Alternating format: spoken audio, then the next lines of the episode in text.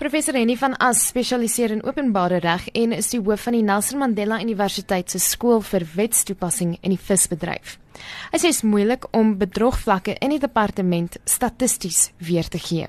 Ons is besig met 'n studie om te kyk na 'n hele aantal goed binne in die, die vissery omgewing, veral in georganiseerde misdaad binne in die vissery omgewing.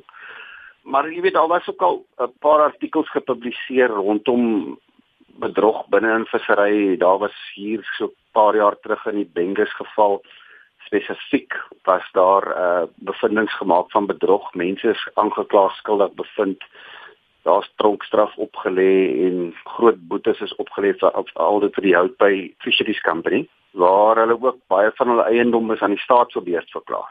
Hy sê bedrog in die visbedryf kos die vasteland jaarliks miljarde rand. Daar word beraam dat in Afrika verloor regerings 260 miljard dollar per jaar wat verlore gaan binne in die, in die vissery omgewing.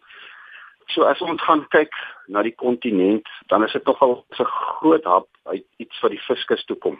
Hy verwelkom die departement se aankondiging dat amptenare in bestuursposte staatsveiligheidsklaring moet deurgaan. Ek stem heeltemal saam met die minister. Hierdie mense werk met 'n groot nasionale bron en die oppassers moet ook maar opgepas word.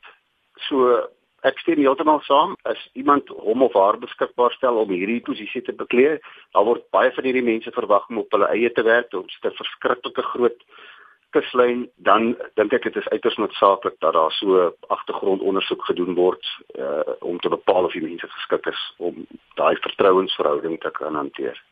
Dit was professor Renny van As, die hoof van die Nelson Mandela Universiteit se skool vir wetstoepassing in die visbedryf.